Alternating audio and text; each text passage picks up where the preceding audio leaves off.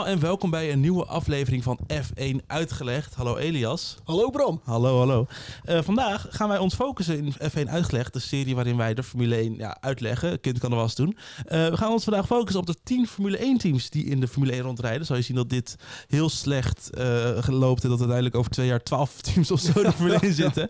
We focussen in ieder geval vandaag op de 10 Formule 1 teams. Want wat is nou de reden dat juist die teams meedoen in de Formule 1 en niet meer teams? Al die vragen zullen we de komende minuten beantwoorden. Maar eerst, Elias, waar kunnen mensen ons volgen? Op onze sociale mediakanalen natuurlijk. Want we hebben Facebook, LinkedIn, Twitter en Instagram. Zo is dat. Laten we beginnen.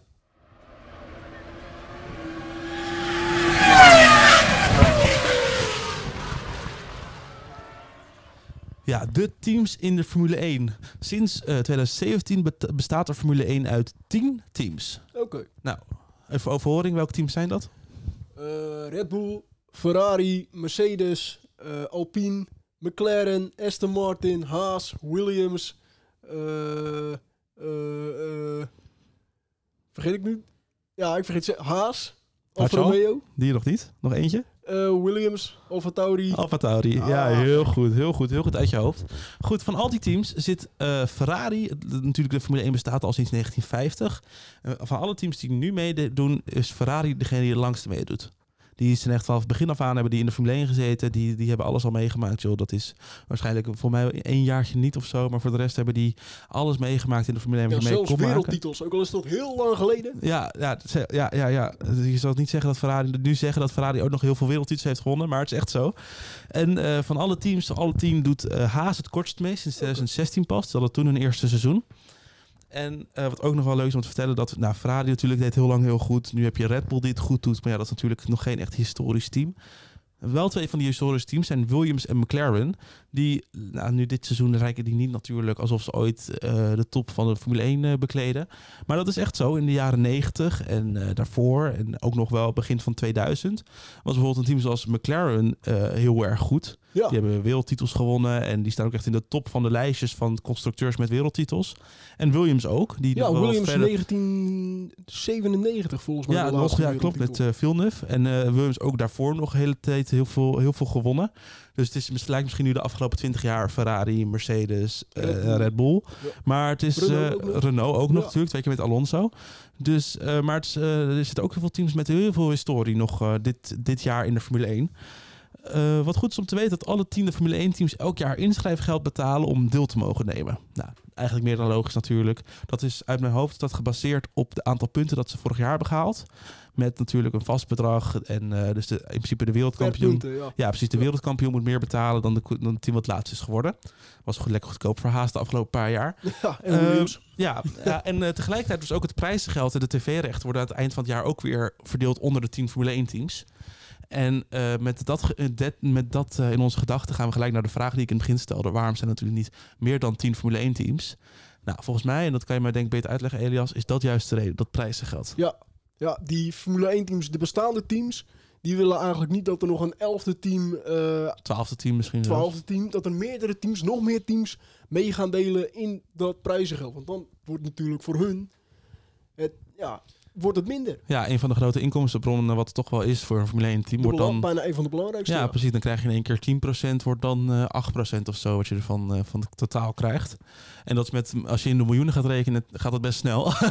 ja. prijzen geld. Ja, en natuurlijk het inschrijfgeld voor de teams als, in, als ze in de Formule 1 willen komen. Ja, ja en dat is, dat is nu ook de hele discussie. Want er zijn uh, teams zoals uh, Andretti en Porsche, die echt wel serieus aan het kijken zijn of ze misschien deel kunnen nemen aan de Formule 1. Ja.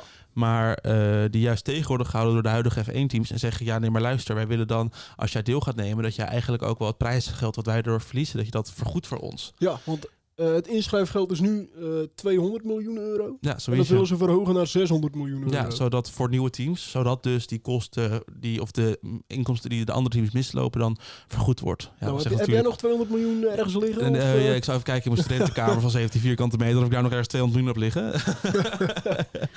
maar ja, dat is dus de grootste reden dat er dus nu nog maar 10 zijn. De FIA is wel hard mee bezig natuurlijk om te kijken van is er ergens een gaatje lobbyen, kunnen... Ja, ja, precies. Ja, enorm aan het lobbyen. Um, dus ja, um, Dat, daarom zijn er geen meer dan 10 F1-teams. Maar goed, je hebt wel met Haas, nu met Aston Martin. Er komen wel nieuwe namen in de Formule 1. Ja.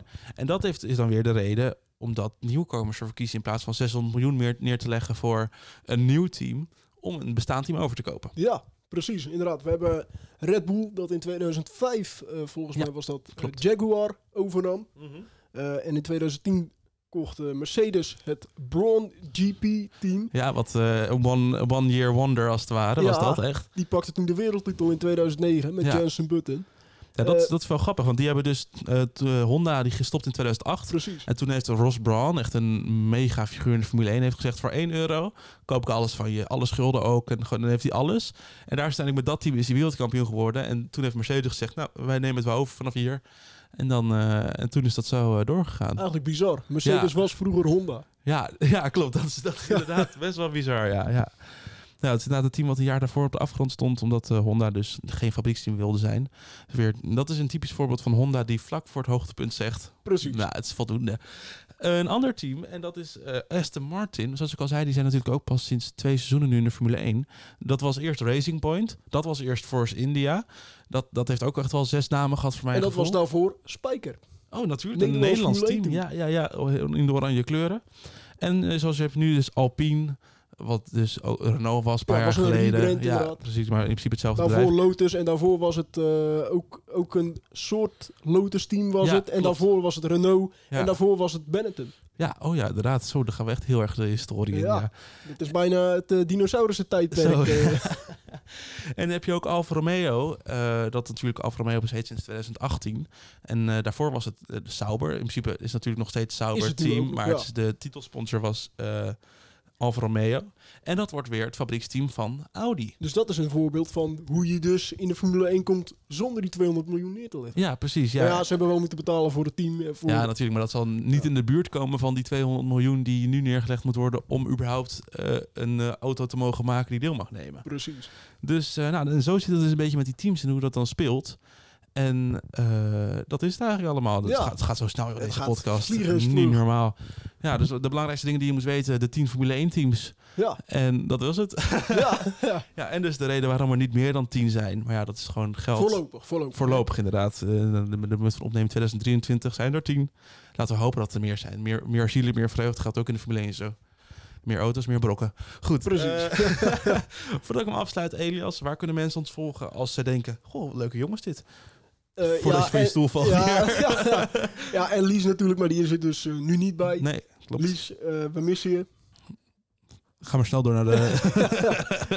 Goed, je kunt ons volgen op LinkedIn, Mhm. Facebook, Mhm. Twitter Mhm. en ook op Instagram. Niet waar. Jawel, ja, zeker. Zo. Dan kun je voorspellingen zien die wij maken. Soms echt hele bizarre, bizarre voorspellingen. Dat je denkt van, waarom zeg je die op nummer 1? Ja, precies. Lies. Precies. Ja, nou ja, jij ook natuurlijk af en toe. Ja, ja, ja. Eh, maar we hebben ook eh, previews van nieuwe afleveringen. Mhm. Van F1 uitgelegd. Ja. Van vooruitblikken, terugblikken. Van eh, alles. van alles en nog wat. Precies. Dus zeker extra Studio Downforce content om daar, om daar toch even leuk een kijkje te nemen. Ja. Wordt eh, zeker gewaardeerd door ons. Ja, studio.downforce op Instagram en gewoon Studio Downforce natuurlijk hier op Spotify of Podbean of waar je deze podcast dan ook luistert.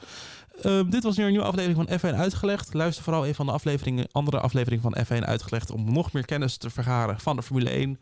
Of luister onze terugblikken en vooruitblikken als je nog meer eh, wil horen van ons. Tot de volgende keer!